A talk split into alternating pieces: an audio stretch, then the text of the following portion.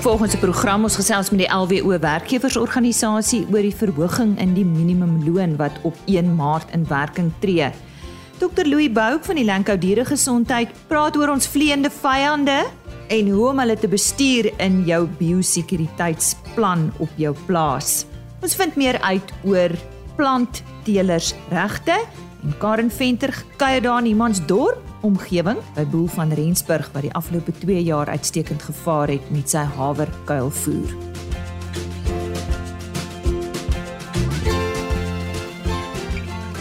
Dis dan vandag se RSG landbou. Hartlik goeiemôre van my Lise Roberts.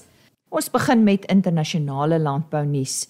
China se grootste sojaboonproduksiestreek, die Heilongjiang provinsie, beplan om die oppervlakte onder sojabone in 2022 met ongeveer 666667 hektaar te vergroot. China se sojaboonproduksie het verlede jaar skerp gedaal na mate produsente meer mielies verbou het, aangesien dit meer winsgewend was. Die Chinese Ministerie van Landbou het op grond hiervan voorspel dat die land se 2021-22 sojaboonproduksie met 16,3% vanaf 2020-2021 se syfer sou daal. Hulle het die grond wat in 2021-22 met sojabone geplant is op 8,4 miljoen hektaar geraam. Einde verlede jaar is tydens 'n jaarlikse sentrale landelike werkskonferensie gesê dat China graanproduksie moet stabiliseer en die produksie van sojabone en oliesade moet bevorder. En hierdie is volgens Reuters. En 'n Australiese projek bied nou nuwe insigte rakende die impak van lewerdefekte op die karkaseienskappe, gesondheid en prestasie van voerkraalbeeste. As deel van die projek is 'n datastel van 11500 lewers onder leiding van professor Rachel Alavena van Universiteit van Queensland ontleed. Een van die belangrikste bevindinge is die drempelwaarde waarop 'n lewer met absesse 'n ekonomiese probleem vir voerkrale raak. Sy sê hulle het gevind dat wanneer meer as 20% van die lewer vol absesse was, of die absesse ernstig was, dit met verlaagde prestasie gepaard gaan. Diere met 20% en meer lewerabsesse het laer gemiddelde daaglikse gewigstoename, ligter warm karkas en slaggewigte, verminderde P8 en ribvet en laer karkaswaarde getoon. Dit is volgens the beef site.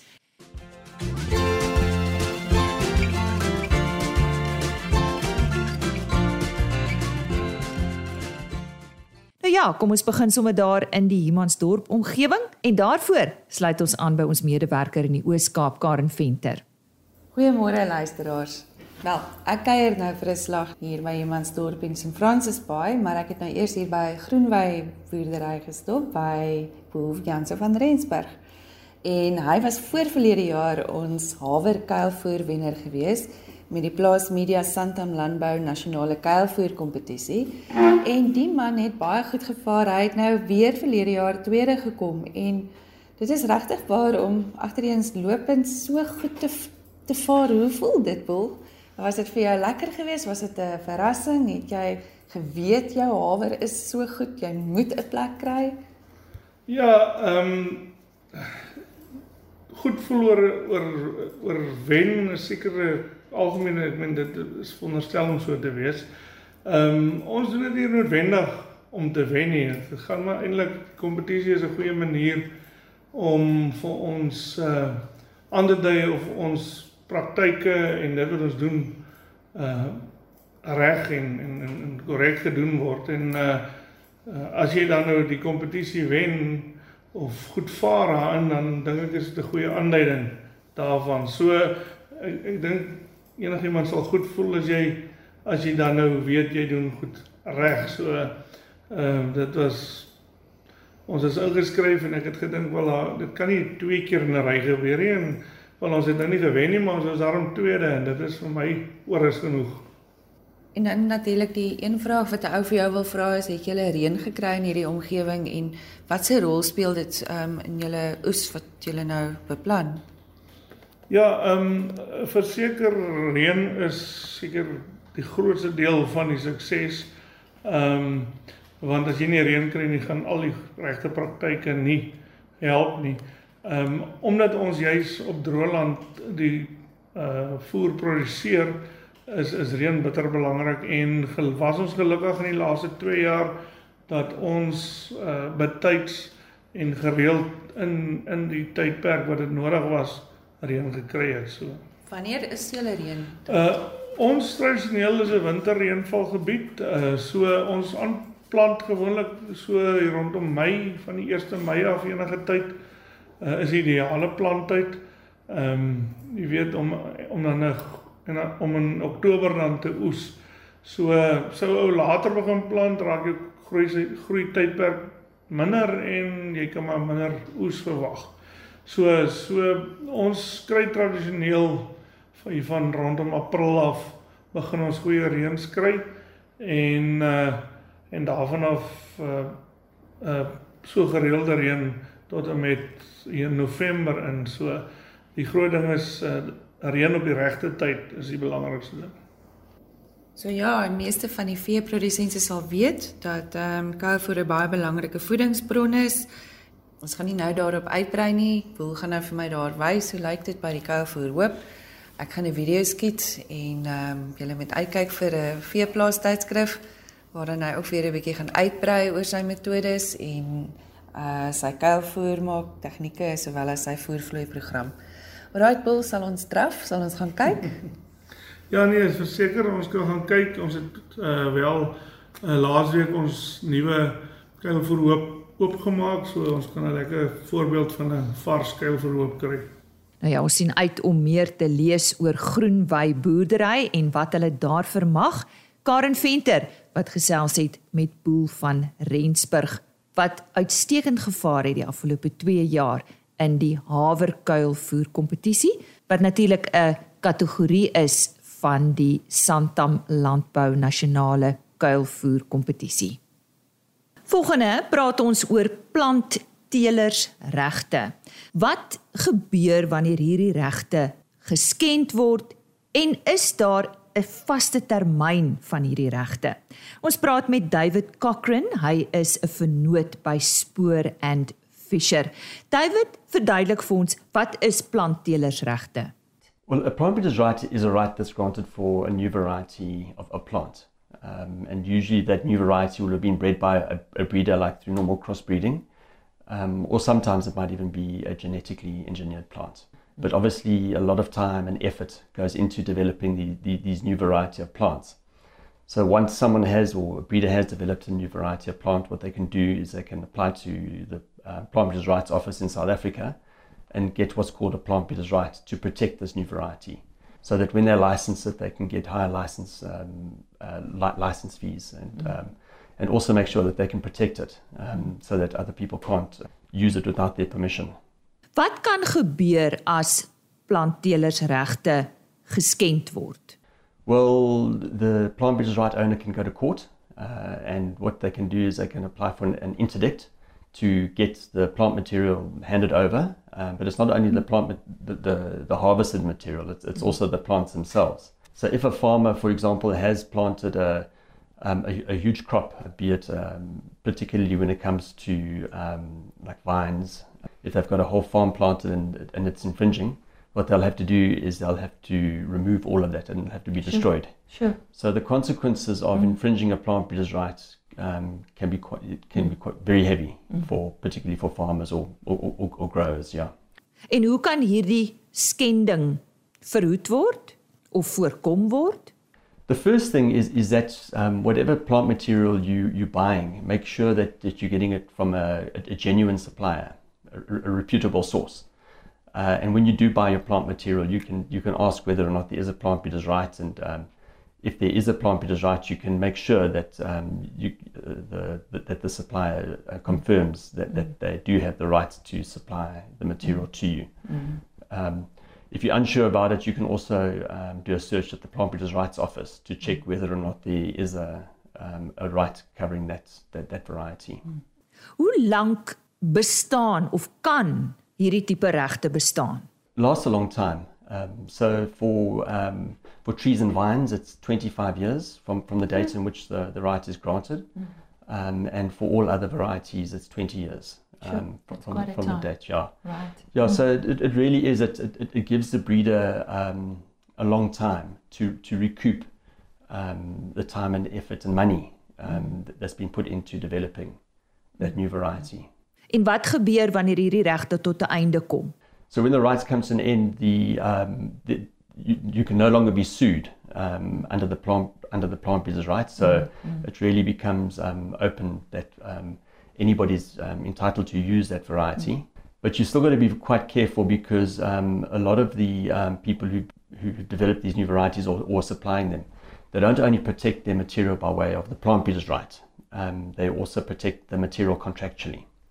Um, so there might be um, contractual obligations um, that, of what you're not allowed to do with the material, even after the plant breeder's rights has come to an end. Um, so you've still got to be careful after the plant breeder's rights comes to an end that, that you don't um, uh, that you're not in breach of a contract. Right. Um, After the 20 years or the 25 years, you can't renew the plant breeder's right. It's it's, it's now gone. So that Right. that um, the right is gone, um, but there could still be contracts um, protecting the, the material. Om aansoek te doen vir plantteelersregte is natuurlik 'n proses.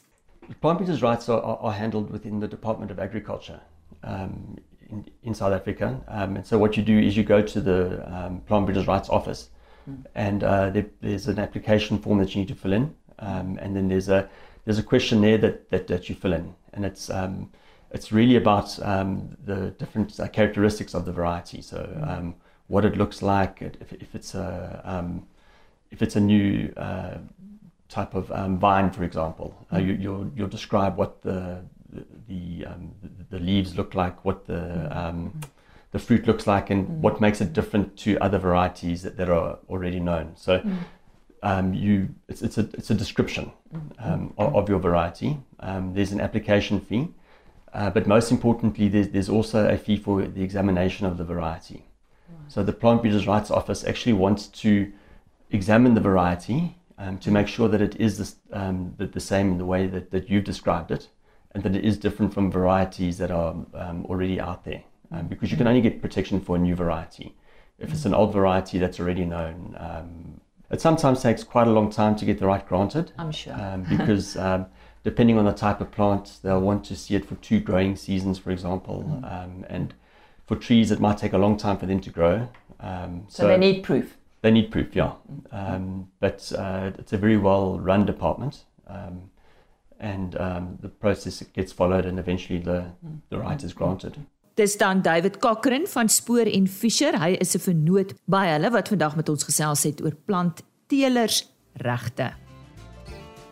As jy nou hier by ons aangesluit het, baie welkom.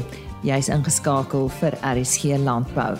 Dis net hier op RSG vanaf 5uur tot 6 van my kant af, Maandag tot Donderdag. Meeste van ons is bewus van die minimumloonverhoging wat op 1 Maart in werking tree. Ek gesels nou met Alwyn Allendale, hy's regsadviseur by die LWO werkgewersorganisasie. Alwyn, baie dankie. Vertel ons bietjie meer. Right, die die minister van Arbeid en Indiensneming het op 7 Februarie bevestig dat die nasionale minimumloon met 6.9% opgeskuif gaan word. En dit gaan van toepassing wees van 1 Maart van 1 Maart af hierdie jaar. Ehm um, die effek daarvan is dat die nasionale minimumloon wat R21.69 per uur was, nou opgeskuif gaan word na R23.19 per uur.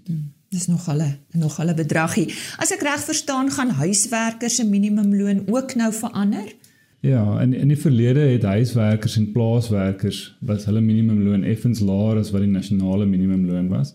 So in 2021 is die plaaswerkers se minimumloon drasties aangepas dat dit gelyk is aan die aan die nasionale minimumloon en huiswerkers se minimumloon gaan nou ook drasties aangepas word van R19.09 af ook na R23.19. Jo, dis nog 'n groot sprong. Dit is 'n groot sprong. Ja. En ook nie goeie nuus vir vir landbou nie. Alwen sê vir ons hoe word die minimumloon bepaal? Waarna kyk hulle? Kyk, die minimumloon word daar gestel deur die minimumloonwet. Ehm um, so die minimumloonwet bepaal dat die minister van arbeid en indiensneming 'n kommissie moet saamstel en daardie kommissie moet bestaan uit uit drie drie mense wat werkgewers verteenwoordig, drie mense wat werknemers verteenwoordig, ehm drie arbeidsregkenners en dan ook drie mense wat gemeenskappe verteenwoordig. So daardie kommissie moet dan jaarliks bymekaar kom en hulle moet verskeie faktore oorweeg um, en en dan 'n aanbeveling maak aan die minister van arbeid. So die minister van arbeid neem dan 'n finale besluit en publiseer dan die die, die nuwe minimumloon in die um, in die staatskoerant en van dan af is dit of in die volgende maand is dit dan effektief. Mm, mm.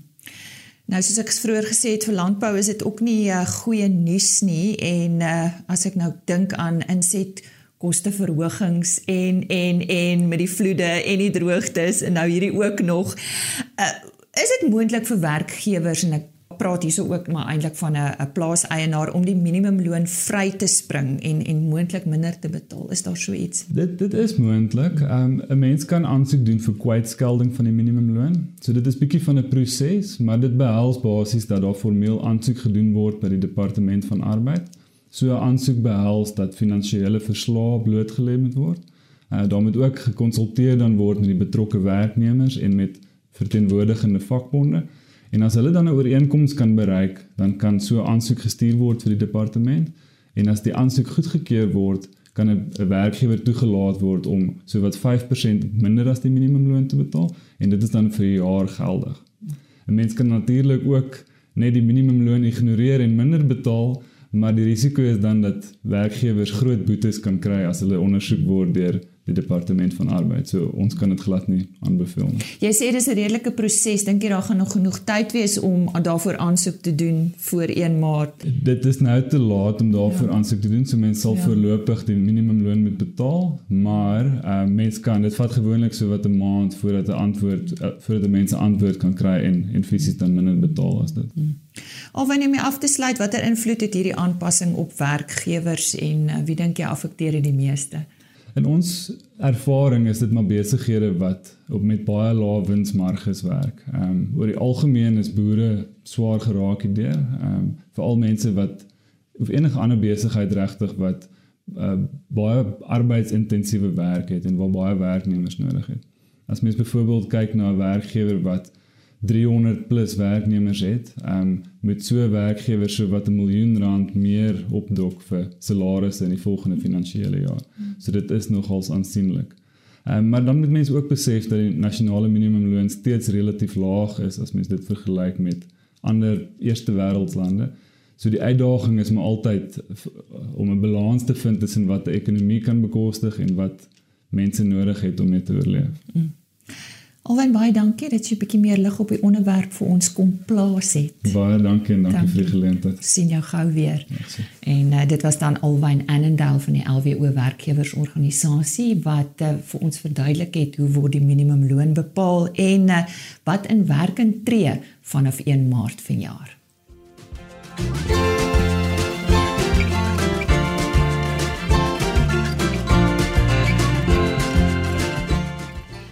Soos jy reeds gehoor het, is Elanco Diere Gesondheid ons vernoot hierdie week op RSG Landbou en is vir my aangenaam om weer vanoggend vir Dr. Louis Bou, hoof van tegniese dienste, te verwelkom en vandag se onderwerp is biosekuriteit. Beskerm jou kudde teen vleiende vyande. Ja, met die reën veral het ons baie vleiende vyande.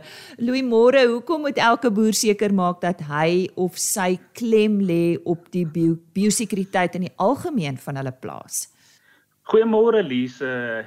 Eerstens, ek dink kom ons kyk na die woord biosekuriteit en as ons die woord ontleed, dan sal sien ons dit bestaan uit twee komponente. Die eerste is bios wat Grieks is vir lewe En dan het ons die sekuriteit um, komponent wat um, soos ons kan sien dit gaan oor beskerming.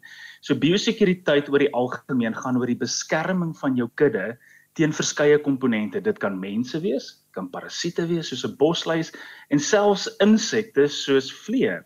Daarom is dit baie belangrik om na die biosekuriteit van jou plaas te kyk en jou kudde te beskerm.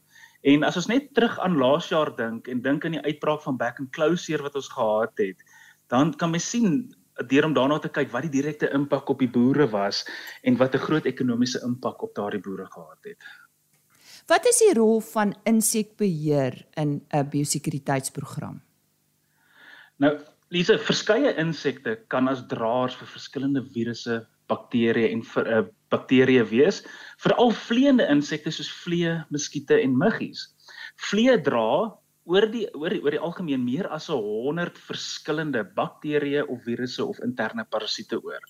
Nou buitende vliee dra virusse soos knopvelsiekte oor, dit kan bakterieë soos E. coli en selfs parasiete soos galsiekte oordra. Muskiete aan die ander hand ehm um, dra slengtaalkoors oor en wat belangrik is is dat slengtaalkoors is 'n zoonose wat beteken mense kan dit kry. Daarom kan muskiete dan beide aan die dier en aan ons oordra. Ehm um, dit is dit is hoekom dit juist so belangrik is om 'n holistiese uitkyk te hê wanneer mens na biosekuriteit nader. En net so genoem op slengtaal, jy het genoem net genoem daar juist ons het soveel reën gehad. So ek wil al die boere ehm um, hoe kan ek sê aanhits en en en sê Ent asseblief jou diere teen slengtaalkoors. Die tipiese weeromstandighede wat ons sien is soortgelyk in 2010 toe ons daai groot uitbraak van slengtaalkoors gehad het. So dit sal regtig van waarde wees om daai ehm um, soos hulle in Engels sê investment in jou diere te doen. Louis, hoe kan 'n boer vleiende insekte benader in sy biosekuriteitsprogram? Nou 'n holistiese benadering is baie belangrik wanneer 'n mens 'n geïntegreerde pesprogram ontwikkel. Nou verskeie faktore speel 'n rol in byvoorbeeld 'n ekstensiewe um, boerdery gaan dit dalk meer van waarde of prakties wees om die diere te behandel as om die omgewing. Oor die algemeen weet ons dat um, produkte soos wat wat die aktiewe sipermetrien bevat, so jou proteroïdes, is effektief om diere teen vleiende um, jou vleiende vyande soos jou muggies, jou muskiete en en vlee te beskerm. Dit is wel belangrik wanneer 'n boer besluit om 'n produk te koop om mooi te kyk na die aktief. Veral as mens na supermetrien kyk, dit moet 'n hoë sis, so dis die spieelbeeld vorm van die aktief. Ehm um, en en moet in die produk wees om seker te maak dat dit effektief werk as 'n afweermiddel en 'n doder. Nou as ons kyk na intensiewe boerderye soos 'n melkery, 'n voerkraal of selfs 'n intensiewe skaapboerdery, is dit belangrik om die omgewing ook te behandel. So jou vlieguitbreë areas moet geïdentifiseer word en van kant gemaak word. So hier kyk ons na die omgewingsbeheer.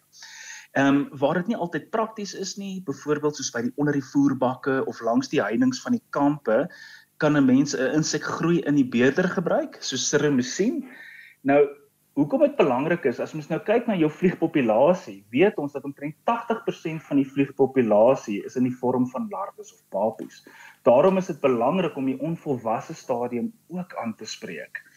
Dit is ook belangrik om om om kennis te neem dat omdat mense die die onvolwasse stadium aanspreek en en en dit affekteer die lewensiklus. So dit is wanneer daai larwie in 'n papie verander, vir in die beer jy dit en dis hoekom dit tyd vat. So dit is nie soos wat hulle in Engels sê jy daai knockdown effek ewe skielik gaan hê nie. Dit vat dalk 'n week of twee vir jou om begin effekte sien in, in van die behandeling.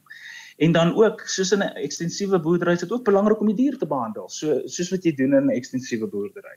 Wat kan iemand doen indien hulle dalk meer inligting oor die onderwerp soek? Seker maar die beste vir julle skakel of uh, na julle webtuiste toe gaan? Ja, sekerlik. Hulle kan ons enige tyd skakel op 0861 352 626 en antwoord ons enige vrae.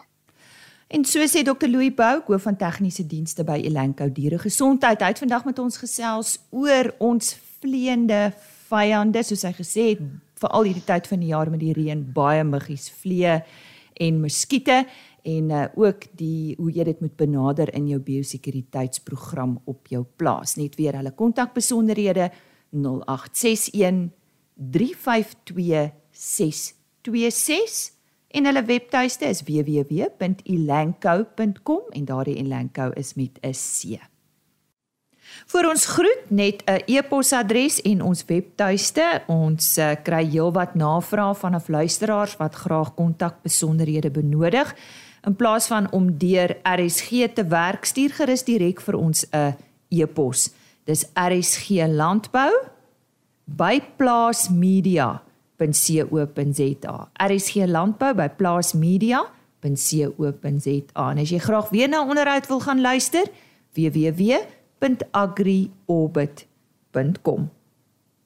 Nou Palmer amarant, dit is 'n onkruid wat baie skadelik is vir ons omgewing en wat nie so lank gelede vir die eerste keer op 'n plaas daar in die Potchefstroom omgewing gewaar is. Môreoggend gesels ons net weer oor Palmer Amarant. Professor Charlie Reinhardt het so tydjie gelede met ons daaroor gesels. Ons luister net gou weer hoe daardie plant Suid-Afrika binne gekom het en dan gesels ons ook met Dr Gerard Verdoren van CropLife SA oor wat ons uh, te doen staan.